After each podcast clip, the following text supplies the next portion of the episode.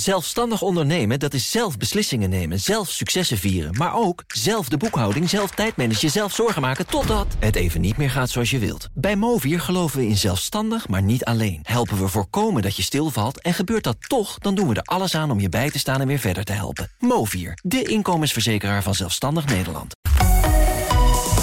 BNR Nieuwsradio. BNR breekt. Ivan Verrips. Goedemorgen en welkom bij BNR Breekt.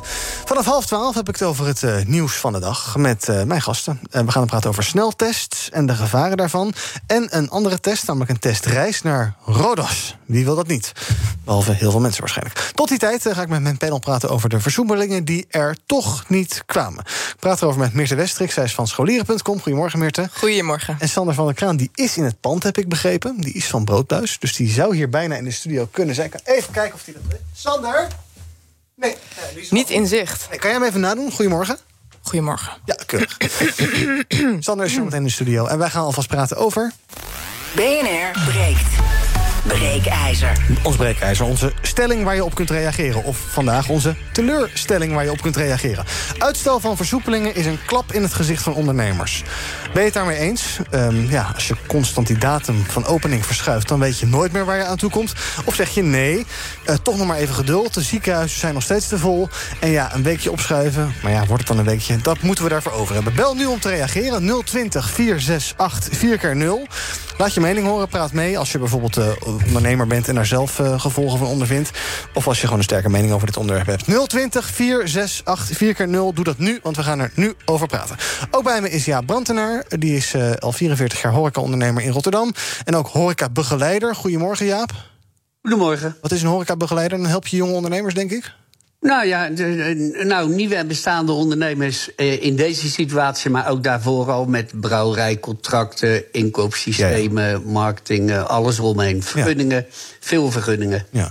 En je bent ook ex-bestuurslid van de Koninklijke Horeca Nederland, dus je, je hebt wel uh, enige ervaring in die branche, kan ik zo zeggen. Uh, ons breekijzer is vandaag: uitstel van versoepelingen is een klap in het gezicht van ondernemers. Wil je daar eerst eens op reageren? Nou ja, ik moet zeggen, je valt haast in herhalingen wat uh, Robert van Hoork in Nederland elke dag zegt. Mm. Maar het is er zo. Wij zijn nu een jaar bij beleid aan het bepalen tot de volgende persconferentie. Ja. Al een jaar. En ik vind het helemaal kwalijk wat er dan nu gebeurt. Dat er al een jaar verklikkers op pad worden gestuurd. Zodat het nieuws bij de persconferentie niet zo hard aankomt. Mm. En nu zegt de Nederlandse minister, de, de jongen, een heel ander iets. Die zegt, ja, op het moment dat de buitenwereld er lucht van kreeg dat er überhaupt aan een plan werd gewerkt. Mm -hmm. Nou, en dat vind ik, de, de, de, de geloofwaardigheid komt zwaar krediet. Die is vorig jaar maart al begonnen om tien voor zes zondagavond te melden dat de horeca om zes uur dicht moest. Ja. Wat is het verschil tussen zondagavond zes uur en maandagochtend tien uur? Ja. Dus toen hebben ze al een een stukje onkunde aangegeven. Ze doen veel, er gaan dingen goed, maar er gaat veel te veel fout. Ja, het economisch belang en het sociaal belang.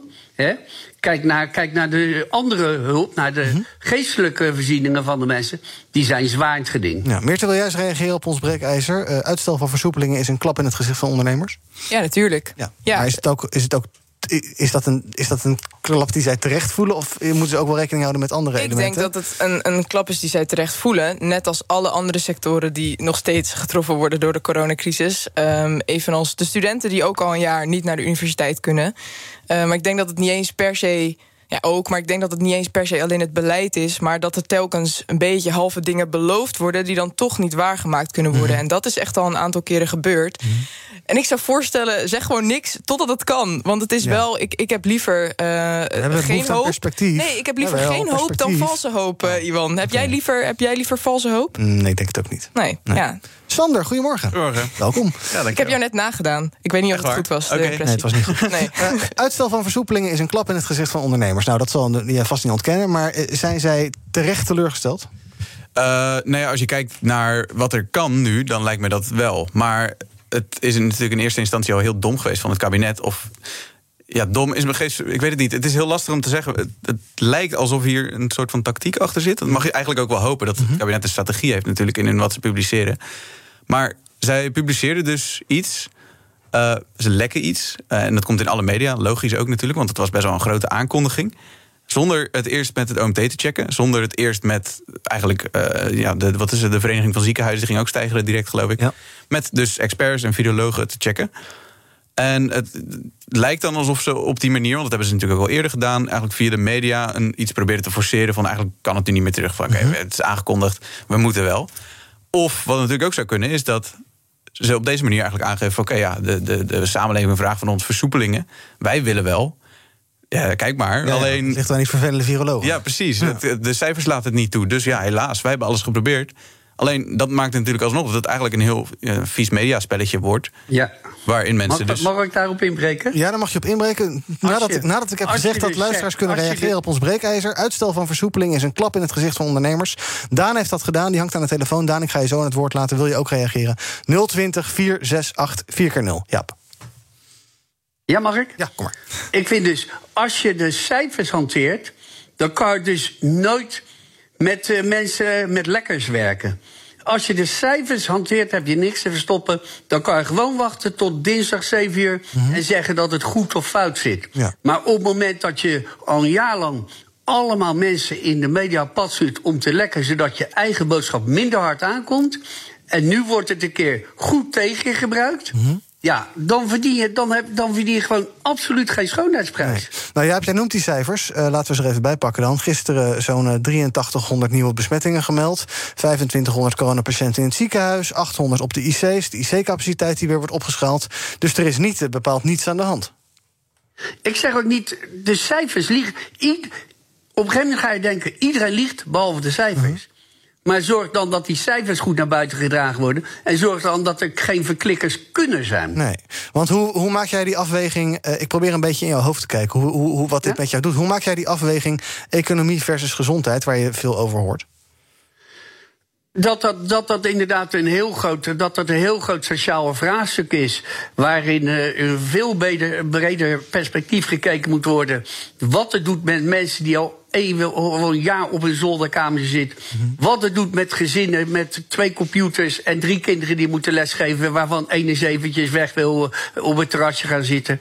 Die, dat wordt gewoon dat wordt onderbelicht. Ja. De samenstelling van het OM10, OMT is te veel gericht op de coronakant en niet op de algemene eh, leefstijl van de Nederlanderkant. Ja. En als jij dan gisteren die bericht hoort dat het kabinet via een woordvoerder bekend maakt dat inderdaad het toch niet 21 april wordt, maar het wordt een week later als het nee zit. Dus dan is er weer een soort nieuwe datum die in ons hoofd wordt geprint. Wat doet dat met jou?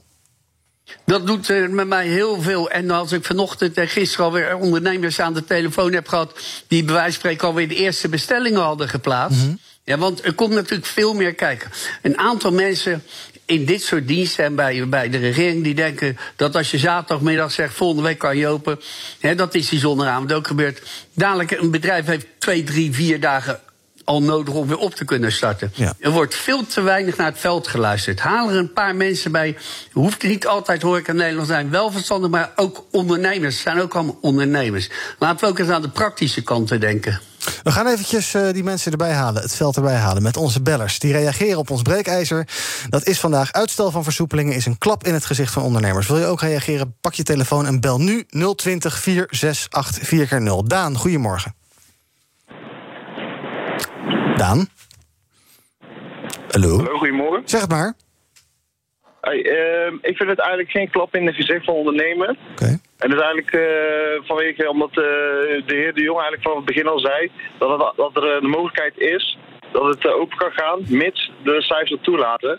En gezien het feit dat eigenlijk vandaag al naar buiten kwam dat eh de IC's eigenlijk bijna overvol zijn, vind ik eigenlijk niet meer dan normaal dat het, eh, ja, dat het eigenlijk uiteindelijk niet meer doorgaat. Hmm. Maar eh, hoe, hoe, hoe prent jij dat zelf in je hoofd? Want als ik die 21 april hoor, ja, dan hoor ik dat tweede zinnetje van de jongen.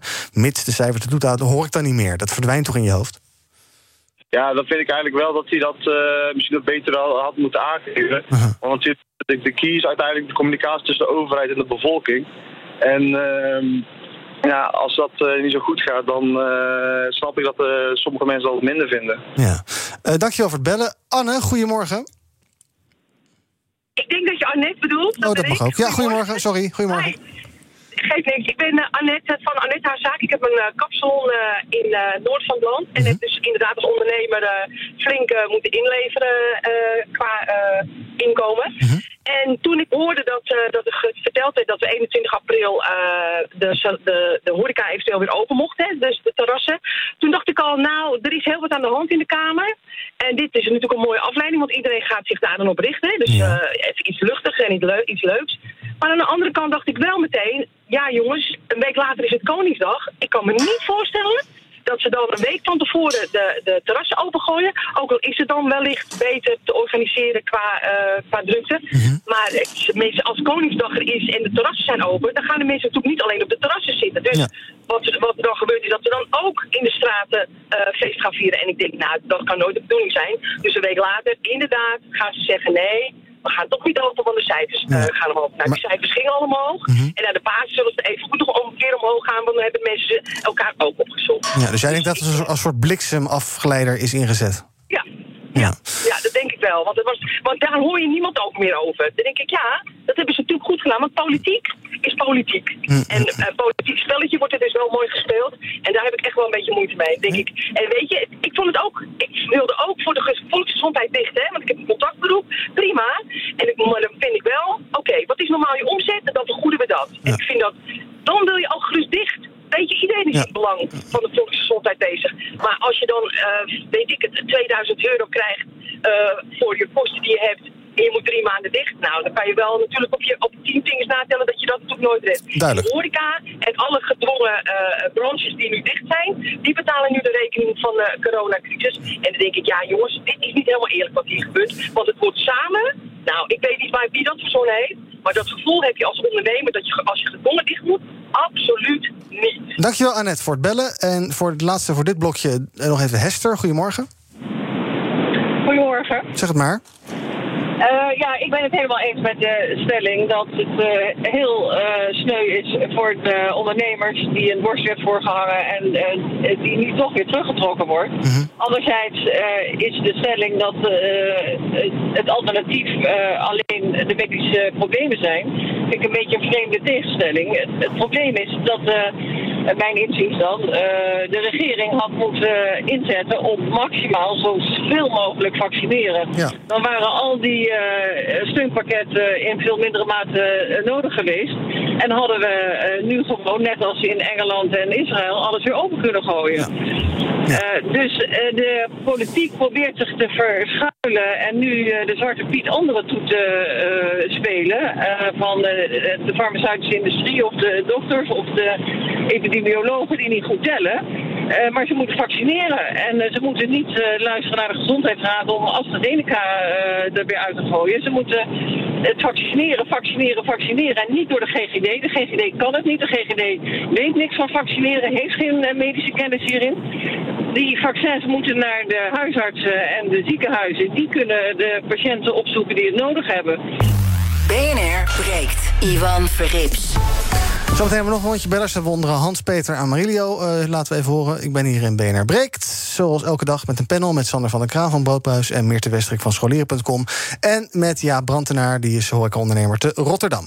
Um, een paar dingetjes die ik net hoorde, wil ik ook even aan... Uh, eerst eventjes voorleggen aan Meerte. Een van de bellers die zei net ook... ja, dit is gewoon een soort bliksemafleider geweest... om ja, de aandacht van, van, de, van, van, van het hele gedoe om die verkenningen uh, te krijgen. Ik hoorde net al een mooie analyse um, van, van Sander als het gaat om communicatie. Hoe kijk jij daarnaar? Nou, wat Sander zei, dat vond ik best een terecht punt. Inderdaad, het lijkt wel een beetje alsof ze een proefballonnetje zo erin gooien... en vervolgens een beetje kunnen laten zien van... hé, hey, ja, maar we wilden het echt. Maar wat ik niet snap eigenlijk, is het werkt niet. Want je ziet heel veel boosheid en mensen die, die echt heel teleurgesteld zijn... met dus die valse hoop uh, die ze de hele tijd hebben. Um, ik snap eigenlijk niet er was een, een, een, routekaart. Waarom wordt er niet gezegd als onder dit besmettingsaantal, onder dit aantal IC-opnames, uh, als, de, als de, daaronder de cijfers komen, dan kan dit en dit en dit. Mm -hmm. In plaats van andersom. Ja. Nu wordt er dus de hele tijd een datum geroepen en vervolgens kan het niet. Ja, wat jij net misschien, ja, het is misschien stom, maar wat je net denk ik best terecht zei, als er een datum geroepen wordt, mensen pinnen zich daar toch aan vast. Ja, wat er ook, ook achteraan komt, ja, ja. Ja, um, uh, Jaap, uh, een van die bellers die noemde uh, Koningsdag en Bevrijdingsdag. Nou is geloof ik eerder al gezegd door de, door de veiligheidsregio's of iets dergelijks... van ja, daar gaan we helemaal geen vergunningen voor afgeven. Zijn dat belangrijke, belangrijke dagen voor jullie als horecaondernemers? Ja, tuurlijk zijn dat, ja. die, de, tuurlijk zijn dat enorm belangrijke dagen. Anderzijds zijn er genoeg ondernemers die begrijpen dat, het, dat dan het zo kolossaal, juist omdat het maanden binnen zitten. Bij de, normaal zouden ze met regen op Koningsdag nog binnen zitten als de rest van het jaar uit kunnen. Maar nu zullen ze alles aangrijpen. Ik begrijp dat dat een dilemma is. Maar ik, ik blijf erbij dat de, de verhoudingen niet meer kloppen. En we hadden gewoon nu. Gewoon, geef de horeca het voortouw. Het is gewoon, en het is niet Robert napraten, het is gewoon bewezen. We kunnen het, we kunnen het. We hebben discipline. Als je het Kralingse Bos kijkt, wat daar gebeurt. En dan zie je daartussen gewoon mooie bedrijven. die met mensen aan de deur werken, die met apparatuur werken, met alles werken. En die mogen niet open. En die zien dan gewoon een paar duizend mensen zitten picknicken. Met geluidsinstallaties, barbecues, alles. En lekker bij de Albert Heijn gehaald. Dan eh, is de logica, en, eh, dan is de logica weg. Ja, ja, ja. Ehm, En ook de politie ontzien, hè? Want die mensen hebben er ook al zo lang voor kiezen. Elke horeca-ondernemer zal dat gelijk eigenlijk ook wel beamen. Die zijn al aan de beurt geweest wat er de laatste maanden gebeurt. Ja. Dus voor, voor, voor zoveel partijen is het logisch, hè? Ik wil nog even de burgemeester Abu Talib van jouw stad Rotterdam aan het woord laten. Die eh, ja, roept ook op om eerder open te gaan. Die is ook ontstemd over het later versoepelen. Luister even mee. de naleving eh, als uitgangspunt voor handhaving zo zwak is, dan is handhaven niet meer mogelijk. Omdat dan uiteindelijk heel veel mensen dan gehandhaafd zouden moeten worden. Dan is de regel niet deugdelijk meer, omdat die niet te handhaven is. En dan staan wij dan als burgemeesters van grote, compacte steden tegenover onze burger- burgers in de handhaving. Ja, dat zei Abu Talib bij de NOS. Eh, Denk, eh, zie jij dat ook voor je? Dat inderdaad als het lekkerder weer wordt over eh, 1, 2, 3 weken... Ja, dat je dan gewoon een puinhoop krijgt? Ja, dat, eh, dat, nou, puinhoop. Het het is gewoon niet goed. En er is geen handhaving mogelijk. En dan gaan we naar een staat waar we vanwege alleen het eenzijdige belichten... waar we inderdaad, wel zoals je op het NOS-journaal zijn... met waterkanonnen moet gaan werken. Het is gewoon niet meer beheersbaar. De drang in de mens is te groot geworden. Ze hebben zich al zo lang aan zoveel regels... echt in heel grote mate keurig gedragen... maar het emmertje is vol. Ja. Ik wil nog even naar eh, twee, drie bellers. Ehm, even kijken, wie wacht er het langst? Dat is Hans van Roon. Goedemorgen. Hey, goeiedag. Zeg het maar. Eh, ja, heel kort, eh, want ik, de twee vorige dames eh, die hebben het perfect verwoord. Eh, ja, er is geen plan. En ik denk, als je gewoon een plan hebt en een roadmap... en je zegt dan en dan en dan en dan gaan we dit doen en dit doen en dit doen... maar op voorwaarde dat het aan deze regels voldoet... dus zoveel IC, zoveel afname... dan kan iedereen snappen als je dat plan aanpast. Dat snapt iedereen. Ja. Maar die duidelijkheid is er een jaar lang niet geweest. Ja, en dat is mijn grootste kritiek. En een ondernemer, ik ben ook een ondernemer, Wat doe je? kan alleen maar plannen op ja, een beetje vooruitzicht en perspectief van wat er gaat gebeuren. En dat is totaal weg. Dat is mijn, eh, mijn mening. Hans, wat doe jij? Welke business zit je? Ik ben eh, ZZP'er. Ehm, ik werk al eh 25 jaar voor banken. Ik ben 50 jaar.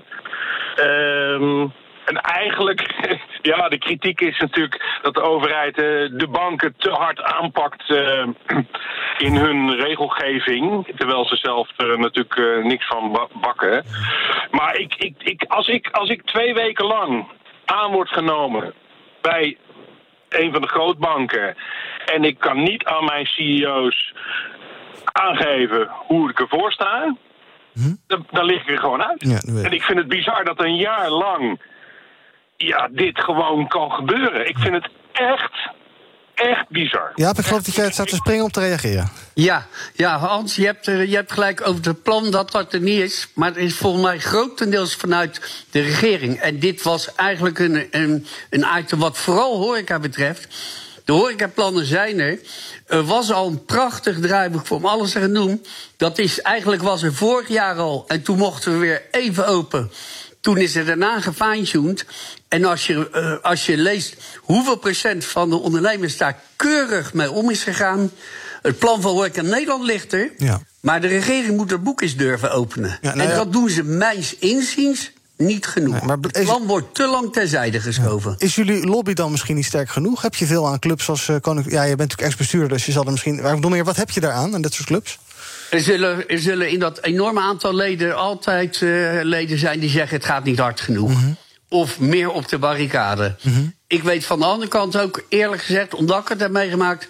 dat het bij de politiek ook wel zo zou zijn. als je het op het ene dossier te hard speelt. dat je op het andere dossier minder welkom bent. Dus het is. En nogmaals, als wij te hard tegen de politiek gaan. dan zouden we de gezondheidszorg er kwaad aan doen. En het hele geval. Wij erkennen dat de corona, de hele zooi eromheen er is. Alleen, wij vragen wel, kan je daar niet eens anders mee omgaan? En door meerdere soorten ogen naar kijken. Dat is mijn visie als persoon, hè? Sander? Ja, nou ja, ik, het lijkt me overduidelijk dat we gewoon een draagvlakprobleem hebben. Wat Annette noemt, wat, uh, wat andere mensen ook hebben genoemd. Uh, waar Abu Talib heel bang voor is, dat we gewoon de regels niet kunnen handhaven omdat er geen draagvlak is. Ja. En de overheid heeft een aantal middelen om draagvlak te behouden. En uh, die gebruiken ze niet goed. Dus ze zijn niet duidelijk in de communicatie. Ze geven geen juist perspectief. Het is allemaal heel dubbelzinnig en, het, en, het, en het, ze komen er telkens op terug. Uh, ze stemmen het niet goed af. Er is inderdaad geen roadmap. Er is geen, ook geen duidelijkheid wat betreft waar het dan allemaal op gebaseerd is. En uh, ondernemers worden in de steek gelaten omdat ze ja, uh, dus financieel gezien ook niet redden. Nee. En al die Mag dingen dragen eraan. zeggen overigens? Nou, vooruit. Ja, ga maar. Ik vind, dan kijk ik ook even. Ik heb een, ook een dametje geholpen met een heel klein boutiqueje. Als je nou de, de, de middenstand ziet, die ook al maanden dicht is. Daar hadden ze dus wel al drie kwart jaar geleden een draaiboek voor kunnen maken. Mhm. Hadden ze veel beter kunnen begeleiden. En als je beleid nu ziet, met alle respect, is dat gespeend op CNA, Zara, H&M, Mediamarkt, dat soort zaken. Mhm. Maar niet voor het kleine bitoekje of een uh, boutiqueje in een dorpstraatje ergens. Nee. Uh, Han, of, uh, Jaap, tot slot. Um, ja, 28 april is dan dus een soort van nieuwe datum die gisteren genoemd is. reken jij daar nog op? Ga jij daar een soort van op voorbereiden? Of zeg je ja, ik zie het wel? Ik, ik, uh, ik, ik, ik, als ik mensen moet vertegenwoordigen, zou ik zeggen: ik zou het rustig aan doen. Je kan een aantal dingen wel doen. Mm -hmm. Maar de groothandels moeten er ook mee leren leven. Ja, ja. Hè? Wat denk je dat de Heineken, de Hanos, de Sligo, ja. al dat soort bedrijven moeten gaan doen? Nou, maar dat bedoel ik. Ga jij nu inkopen of inzetten op die 28 april? Of zeg je van nou, ik, ik, ik wacht nog maar even ik zou, ik zou een aantal dingen durven in te kopen. Maar ik zou uh, bijvoorbeeld versproducten voor de keuken zou ik echt nog niet durven. Nee. Duidelijk. Dankjewel. Jaap Brantenaar, horecaondernemer in Rotterdam. Zoals ook te horen was. Um, excuus aan uh, En Carlo. Kan jullie niet meer aan het woord laten. En ook Jan kom ik helaas niet meer aan toe in dit half uur. Um, wellicht een volgende keer. Bel gerust. Morgen weer bijvoorbeeld. Of overmorgen. Of donderdag of vrijdag. Zometeen praat ik met mijn panel over het nieuws van de dag. Um, namelijk over de gevaren van de run op sneltests. Over een testreis naar Rodos die vandaag op het programma staat. En uh, ja, al die teleurstellingen. En dat uh, geen perspectief. En uh, een beetje verdrietig van. Hoe moet je daar nou mee omgaan? Zometeen hoor je nog een expert op dit gebied. Ja, heus. Zelfstandig ondernemen, dat is zelf beslissingen nemen, zelf successen vieren. Maar ook zelf de boekhouding, zelf tijdmanagen, zelf zorgen maken... totdat het even niet meer gaat zoals je wilt. Bij Movier geloven we in zelfstandig, maar niet alleen. Helpen we voorkomen dat je stilvalt en gebeurt dat toch... dan doen we er alles aan om je bij te staan en weer verder te helpen. Movier, de inkomensverzekeraar van Zelfstandig Nederland. BNR Nieuwsradio. BNR breekt. Ivan Verrips. Welkom terug. Vandaag in mijn panel Meerte Westrik van scholieren.com... en Sander van der Kraan, die is van Broodbuis. Um, ja, het leven zag er een paar weken geleden mooi uit. Hè. We hadden 21 april in de agenda. Misschien een beetje naïef, want ja, Hugo de Jong had wel gezegd iets over... ja, mits en zo, maar ja, je hoort dan toch 21 april. Dat staat dan dus toch in je agenda. Want dan kunnen we eindelijk weer naar het terras. Het ultieme trefpunt van de vrijheid. Maar vrijdag hoorden we daar het stemgeluid van Hugo de Jonge bij Bo... die uh, ja, toch zei dat we ons te snel hadden rijk gerekend. Hij had het over verwachtingen en de hoop. En dat ga ik temperen. En dat wil ik expres doen, omdat ik ook zie welke wanhoop dat veroorzaakt in de ziekenhuizen. De ziekenhuizen denken, joh, versoepelen. Hou eens op, kijk eens om ons heen. Ja, dat was niet de eerste keer en dus... Uit de bundel, de cursus omgaan met teleurstellingen... gaat wederom niet door. Nee, precies, opnieuw niet. Gijs Koppens, goedemorgen. Goedemorgen. Psycholoog en uh, vriend van de show. En jij gaat ons uh, in een paar minuutjes een uh, kleine cursus omgaan met teleurstellingen geven. Ehm, ik ben hier met twee jongeren. Ik reken mezelf ook nog tot die groep gelukkig. Dus laten we maar zeggen drie. Jij klinkt ook niet zo heel oud trouwens. Um, hoe moeten we hier nou mee omgaan met dit soort ja, nou ja, teleurstellingen? Zijn het gewoon wel dat je rekent toch ergens op en het gaat niet worden. En de volgende mijlpaal die wordt gezet is 28 april. Maar dat is ook allemaal niet zo zeker. Nee, en eigenlijk is het ook al een jaar lang omgaan, omgaan met teleurstellingen, zou je kunnen zeggen. Um, en dat is natuurlijk ook wel een beetje het, uh, het moeilijke in de communicatie vanuit de overheid. Dat het steeds uh, laveren is tussen hoop en dan ook weer die hoop wegnemen. Mm. Uh, dat doet geen goed voor de moraal. Ehm, ik denk eh, dat hoe moeilijk het ook is, we ons toch nog steeds op een lange termijn eh, moeten richten. Dus eh, eh, je kan eigenlijk twee dingen doen. Dat is anders kijken naar de situatie, anders denken en ook anders doen eh, in deze situatie. Dus het eerste wat ik zou doen is toch ervan uitgaan dat we nog echt even lange tijd eh, eh, niet verlicht worden op die maatregelen. Ehm, zodat je niet jezelf steeds weer elke week eh, opnieuw hoop geeft. Ehm, hoe zwaar dat ook klinkt, eh, maar dat kan gek genoeg wel helpen om echt even nu vast te stellen van oké, dit is de situatie en ik moet het hier lange, lange termijn moet ik het hiermee doen. Ja. Dus dat zou, dat zou mijn advies één zijn. Mhm. Ja, wil- eh, ja, wil ik nog twee en drie doen of wil die zo meteen doen? Nou ja, advies 2 is Ja. dus dat je binnen die grenzen dus... Hè, dus van, want dat is niet zo dat je dan de hoop maar moet opgeven... en, en binnen moet blijven met de gordijnen dicht. Dat is ook niet goed voor je gezondheid. Hè, maar het tweede is dus dat je eigenlijk wel de controle pakt over de situatie. En dat je toch zegt, oké, gegeven het feit dat die maatregelen heel lang gaan duren... eh, wat kan ik dan nu doen vandaag waar ik wel controle op heb... wat zoveel mogelijk past binnen die maatregelen... en waardoor ik wel eh, de mensen ontmoet die ik leuk vind... en waardoor ik wel ook buiten kan zijn. Ja. En, en eigenlijk zie je dat al gebeuren. Want je ziet de parken in Amsterdam bijvoorbeeld gewoon vollopen met mooi weer. Ja. En, en dat mag nog. Ja. Ja. Dus dat, dat moet je dan maar doen. Ja, tot op zekere hoogte. Ja, Meerte, hoe, eh, eh, hoe kijk jij naar de twee adviezen van eh, Gijs? Denk aan de lange termijn en in die lange termijn... kijk naar waar je zelf controle op, op hebt en ja, doe daar iets aan. Ja, hij, hij zegt ook iets over wa- wat ik net eigenlijk ook zei. Ik heb liever even gewoon geen hoop, geen Mhm. directe hoop van die datum... dan dat ik de hele tijd valse hoop eh blijk te hebben. Ehm, ja, ik, ik hou me zoveel mogelijk wel aan de maatregelen. En ik, ik zorg er gewoon voor dat ik bijvoorbeeld eh, een rondje ga lopen met een vriendin... en dan met een andere vriendin een rondje ga lopen. Ehm, ja, goede tips, denk ik. En ondertussen even heel kritisch zijn eh, bij BNR. Ja, Sander, wat, wat zijn jouw eh, eh, lichtpuntjes in deze dagen? Ehm, ligt, nou, op, bijvoorbeeld dit is wel leuk. Dat is wel voor mij altijd een uitstapje. Ehm, en inderdaad, gewoon bij, met vrienden afspreken, dat soort dingen. Voor de rest, om mezelf een beetje te beschermen, heb ik gewoon alle hoop losgelaten. Ja. Eh, en is het inderdaad, eh, ja, gewoon de situatie accepteren. Hoe, eh, ja, dat klinkt een beetje als een dooddoener, maar ja, Mhm. meer, meer kan je eigenlijk niet doen. Nee, maar, maar, maar, maar word je daar niet heel murf en gelaten van? Ja, een en wel, ja. nons- Ja. nonchalant en on- onverschillig en dat soort woorden? Nou ja, wat, bijvoorbeeld, ehm, wat was het vorige week? Begin vorige week merkte, merkte ik dat ook, inderdaad, die confrontatie een beetje. Toen dus werd aangekondigd van 21 april, oké, eh, terrassen open. Dat ik toen zei van, maar ja, de cijfers en het OMT is niet gecheckt. Reken maar nergens op. En dat er dan inderdaad een, een core aan mensen, ah, cynische rotzak die je er bent, eh, gaat schreeuwen. En het klopt ook wel een beetje. Ja, ik Ja. ben ook een beetje cynisch geworden. Want ja, hoe, ik durf geen hoop niet echt meer aan te grijpen. Nee. Maar dat is wel ook wel een beetje uit zelfbescherming, denk ik. Ja. Maar ik heb dat vooral ook wel als je toch. Ik vind het heel positief dat die experimenten met die field lab eh, gebeuren. En dat er heel veel mensen gewoon weer bij elkaar komen. En dat dat blijkbaar ook best wel goed gaat. En toch kijk ik dan ook met een schuin oog naar de universiteiten en de hogescholen die nog steeds dicht zijn, Mhm. al een jaar. En dat ik toch denk, ja, daar moet toch ook iets mogelijk zijn. Je, je hebt zulke grote collegezalen. Daar kun je eh, voor hetzelfde geld ook gewoon nog op anderhalve meter afstand zitten. Ja. Dat is wel echt iets wat ik wel echt heel erg mis. Want ik merk wel dat achter mijn laptop die, eh, die Zoom-colleges volgen. Ja, ik raak echt binnen 10 minuten afgeleid. En dan gaat het echt allemaal langs me heen. Dat Ja. merk ik wel heel Ik erg. zie onze politiek verslaggever Sofie van Leeuwen tien minuutjes geleden twitteren dat het hoger onderwijs op 26 april open gaat. Dat twittert zij, dus nou, dat gaan we van haar horen dan later in onze uitzendingen. Ehm, eh, eh, ja, Gijs, hoe voorkom je dat je inderdaad helemaal murf geslagen de zomer in gaat? Niet. Nee, Gijs is er niet meer. Nee, die is ook depressief geworden. Verbinding weg? Ja, geen Gijs meer. Nou, dan eh, dank aan Gijs Koppers, psycholoog. Sluiten dit onderwerp op. We gaan wel even verder over corona praten. Ehm, namelijk, oh ja, wel een teleurstelling dat Gijs er niet meer is. Eh, namelijk over eh, testkits of thuistests. Die slaan wij Nederlanders tamelijk massaal in. Eh, dat zijn die dingen die eh, sinds kort te verkrijgen zijn bij de apotheken. Ook sinds eh, vorige week, twee weken geleden... bij de, bij de Ethos en de Kruidvat en dat soort winkel. S- ehm, 200.000 stuks verkocht. Eh 8 eurotjes kost zo'n test ongeveer. En binnen een kwartiertje heb je al een uitslag. Ik zag dat ze ook worden aangeboden op eh, vakantieveilingen. Even kijken, nog 26 minuten. En hij staat nu op 100 euro door Chris Koopmans. Die heeft om half twaalf geboden. 100 euro.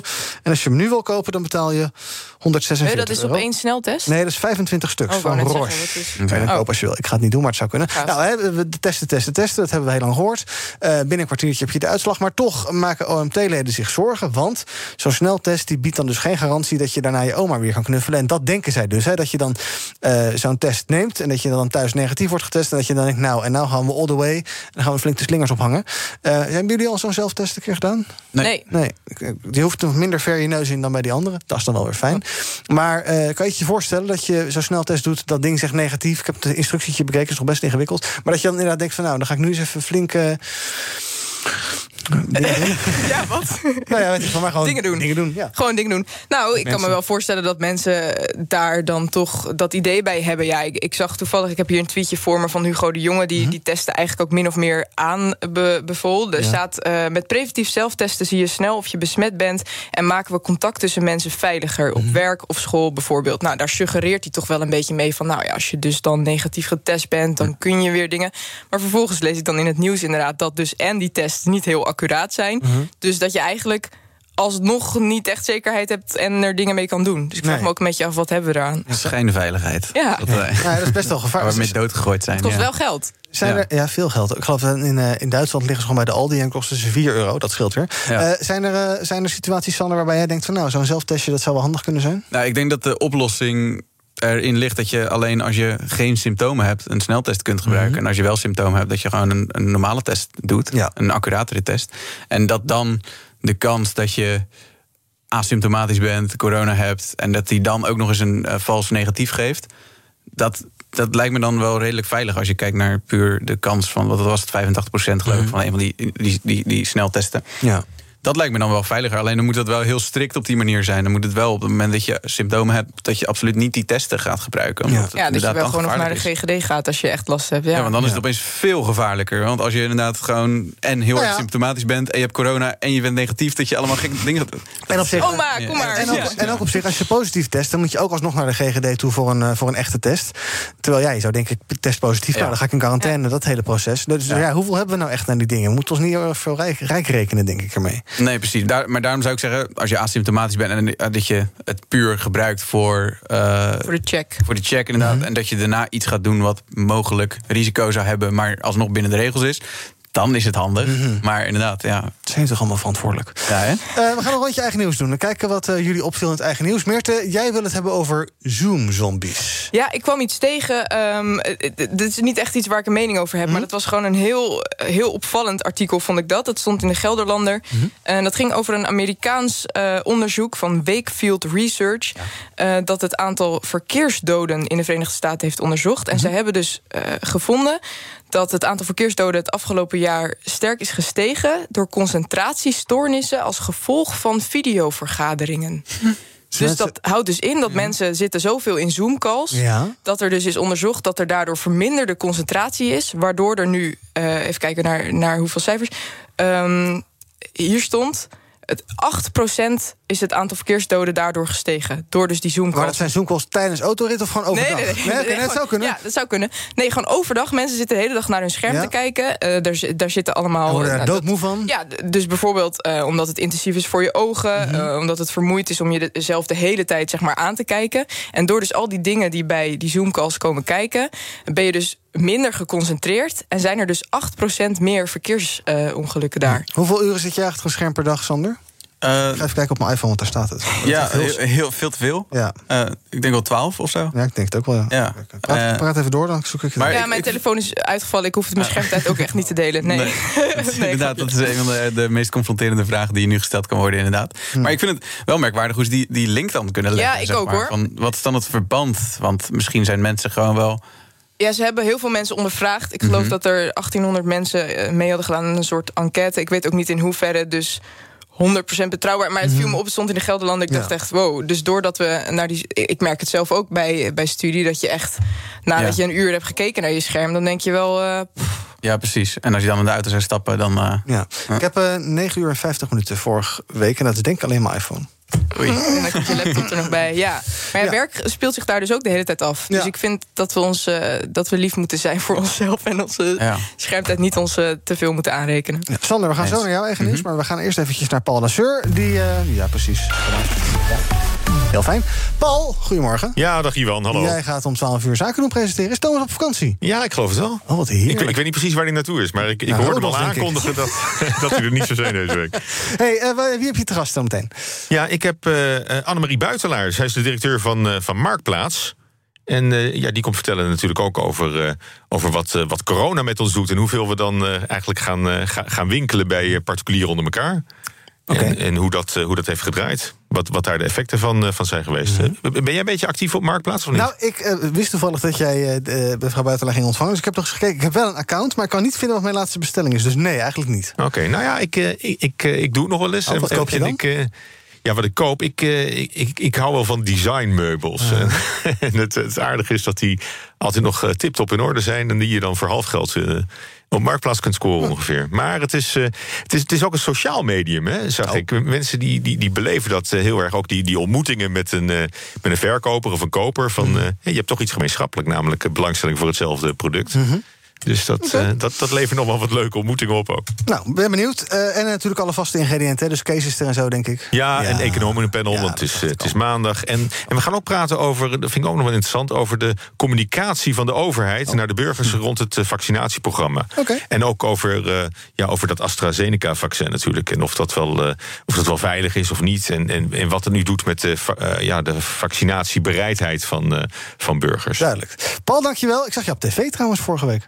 Ja, bij... eh Bed and breakfast. Bed and breakfast, ja. Ja, Ja, ja, kijk, zie mensen heel raar opkijken hier, maar het is echt waar. Nou, ga maar kijken. Vorige week bij Bed and breakfast. Paul is er zometeen om 12 uur met zaken doen. BNR breekt. Altijd leuk om een hoofd te zien bij een stem. Ik zie Paul nooit. Eh, we gaan nog even dus eh, verder praten. Laatste kwartiertje BNR breekt. Ehm, opvallend nieuws, eh, Sander, waar jij het over wilde hebben... was een artikel eh, vrijdag of zaterdag, Zaterdag, in NRC... over de NCTV, de Nationaal Coördinator Terrorisme, Bestrijding en Veiligheid... die ehm, ja, eigenlijk zonder dat dat mag allerlei mensen in de gaten houdt. En dat heeft een direct... eh, je bent zelf ook in de gaten gehouden. Hoe zit dat? Ja, dat, nou, dat weet ik nog niet precies. In ieder geval, het NRC berichtte inderdaad dat er ehm, ja, onwetmatig gemonitord wordt door het NCTV. Dat is helemaal niet hun taak. Zij moeten gewoon eens in de of ja, drie keer per jaar of zo een verslag uitbrengen over de terreurdreiging in Nederland. Ehm, en dat zij dus inderdaad organisaties en activisten volgen met nepaccounts, virtuele agenten, een soort van. En eh, een van die nepaccounts, dat was onder de, de, de, het pseudoniem Harry van Duinen. Ja. En ik kreeg eh, zaterdagavond eh, ineens een berichtje van iemand die bij Broodspijs zat. Die, die, die stuurde mij opeens van... hey, ik zat het journaal te kijken en daar scrollden ze door de gevolgden, zeg maar, van eh, Harry van Duinen heen. En daar stond broodbuis tussen. dus ik dacht, hè, wat, wat is er? Eerst moest ik eigenlijk om lachen. Een soort van erkenning toch wel, dat je, dat je blijkbaar eh, ja, gezien wordt. Eh, alleen toen ging ik het NRC-artikel er nog eens op nalezen. En dan staat er inderdaad van, hé, hey, hier worden dus persoonsgegevens bijgehouden. Er worden mensen in de gaten gehouden, veel te persoonlijk ook. En er is helemaal geen controle op.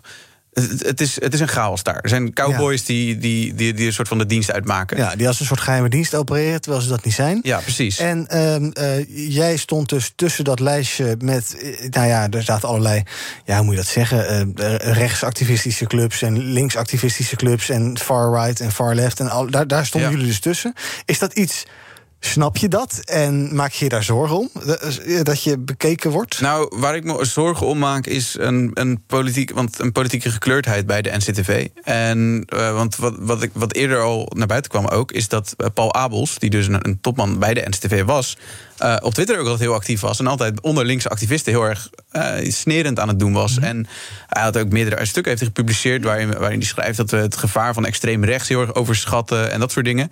En in die volgerslijst van Harry van Duinen, ik heb nog niet de hele lijst, ik heb wel de journalisten gemaild, die krijg ik hopelijk nog. ehm, stonden bijna alleen maar eh, linkse organisaties, dus een Extinction Rebellion en dat soort dingen. En sowieso wordt Extinction Rebellion bijvoorbeeld. eh, eh, ja, die wordt al heel lang gemonitord. Er zijn al heel veel nare incidenten geweest met inlichtingendiensten. Terwijl zij in mijn ogen, ik bedoel, ik ken veel van hun persoonlijk, geen terreurdreiging vormen. Ze zijn gewoon ja, bezorgde burgers in die zin. Dus ik, daar ben ik bang voor. Wat ik nu heb gedaan in ieder geval is eh, een aantal van die organisaties die ik ook op die lijst eh, zag staan benaderd van wat willen jullie hiermee? Ik heb de journalisten benaderd en ik heb wat, eh, wat, met wat WOP-experts gesproken. Ja, wat, kan, wat kan je hiermee? Wat kunnen we hiermee Ja. inderdaad? En waarschijnlijk, het meest waarschijnlijke is dat we wat WOP-verzoeken in gaan dienen, AVG-verzoeken, van wat Mhm. hebben jullie over ons? Ja. En dan hopelijk zo duidelijk dat het niet afgewimpeld kan worden. Meerte, is het eh, problematisch dat de NCTV, wat dus geen geheime dienst is, maar dat zij met, eh, ja, ik zeg maar even met spookaccounts allerlei mensen in de gaten houden en dat ook stelselmatig doen?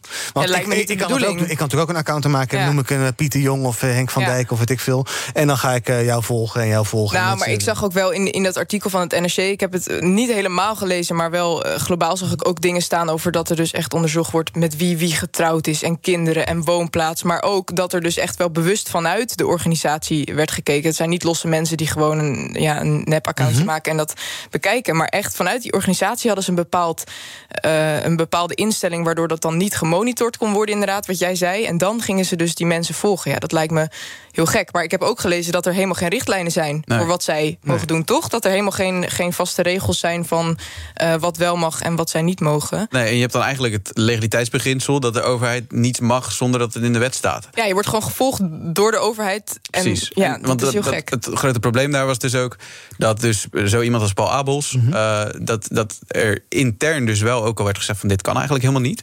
En dat dus de mensen die daar aan de knoppen draaien, draaien of draaiden, eh, zeiden van ja, boeien, we doen wat we willen. Mensen overschatten de macht van de AVG, wetgeving en dergelijke. Er werd ook niet geluisterd naar kritiek daar volgens mij nee. binnen. Dus dan krijg je een hele ongezonde werkcultuur zonder protocollen, zonder dat er iets over weg, eh, is, is vastgelegd.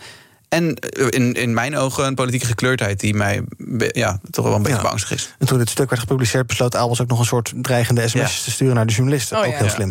Ehm, aan de andere kant, je kan misschien zeggen, jullie doen wel iets goed. Want je maakt blijkbaar, eh, je maakt blijkbaar ergens iets los. Je weet ergens te prikkelen. Je bent, je wordt, er wordt naar je gekeken. Ja, in zekere zin was Be- het beter dan een dat je irrelevant bent en eh, de hele dag niemand naar je kijkt. Nee, klopt inderdaad. Ja, op zich was het een soort van erkenning, maar natuurlijk niet per se de erkenning waar je op hoopt. Mhm. Nee. Ehm, ik hoop gewoon dat ik nu zelf persoonlijk ook bij kan dragen aan misschien de beerput een beetje verder open trekken. Om op, vanuit persoonlijke titel kan ik dan AVG-verzoeken indienen. Van wat hebben jullie over mij bijvoorbeeld? En misschien dat daar wat uitkomt. Hou je ons op de hoogte? Ja, doe ik. En ook op Broodbuis, denk Ja, ik, hè? precies. Ja. We doen nog even een randje trending. Even kijken wat er momenteel op de sociale media speelt. Nou, veel teleurstelling over de versoepelingen die uitblijven. Hashtag coronamaatregelen, hashtag versoepelingen, hashtag horeca is ook weer trending. En hashtag scheefgroei, dat is een nieuw programma van Jeroen Pauw... over de scheefgroei in de economische welvaart. Gisteren was de eerste aflevering. Iemand gezien? Ik nog niet. Maar Nee, ik zag het voorbij komen, Moet maar nog ik wel niet terugkijken. Nou, dat gaan we nog even doen dan. Tot slot van deze uitzending gaan we het nog heel even hebben over eh, Schiphol vandaag. Daar gaat, eh, as we speak, nu dus ongeveer... eh, zo'n 190 vakantiegangers naar Rodos vertrekken... voor een testvakantie. Doel is om te kijken of er een protocol kan zijn... dat mogelijk maakt dat we ondanks die coronapandemie... toch weer wat gaan reizen. Voor die reis hebben zich zo'n 25.000 geïnteresseerden aangemeld. En nou, daar kan dus maar eh, is het 1%? Ja, ongeveer 1% mee, iets minder zelfs. Ehm Rodos is wel lekker met dit weer. Want Ja. even, Ik wil net kijken, zeggen, even ja, een het weer, even een weer, eh, weer update. Vijf minuten geleden regende het in Amsterdam. Inmiddels is het weer droog. Maar eh, is de Rodos een bestemming waarvan je denkt van ja, wil ik wel Alles is op dit moment een bestemming waar ik heen wil. Ja. Heb je aangemeld of niet? Nee, ik ben niet aangemeld. Nee, ik ook niet. Oké. Ehm, eh, zie, je, zie je hier iets in, in dit soort testevenementen? Eh, nou ja, alles wat getest wordt, daar ben ik wel voor. Ook met die field labs, als het... eh, Het lijkt me goed om een beetje te kijken wat, wat mogelijk is. Dus ja. in dat opzicht absoluut. Ja. En eh, ook wel bereid om weer, als, je, als we weer gaan reizen, dat dan testen misschien iets is wat we heel lang moeten gaan doen en wat er dan standaard bij hoort. En dat je. Ik hoorde een verhaal over eh bijvoorbeeld stewardessen, ja, dat is natuurlijk een heel ander verhaal, maar die moeten dan, eh, die worden soms wel drie keer tijdens een reis getest. En daar word je natuurlijk ook een beetje ongans van. Als je voor elke keer dat je naar een school wil dat je getest moet, als je het vliegtuig in wil dat je getest moet, dat is. ja, voor werknemers is dat misschien nog vervelender. Ja, maar ja, als je zelf ervoor kiest om dan toch op vakantie te gaan met het vliegtuig, dan denk ik ook, ja, dan moet je dat wel gewoon doen. Ja. Ja, dat Ja. Is er, zit er dan bij. Ja, je, je hoopt natuurlijk dat dit informatie geeft waar op basis van protocollen en procedures worden opgesteld, zodat het allemaal stroom, gestroomlijnd kan gaan Ja. straks. Dat je ergens direct een test kan halen en uitslag hebt en dat je weet wat je moet doen.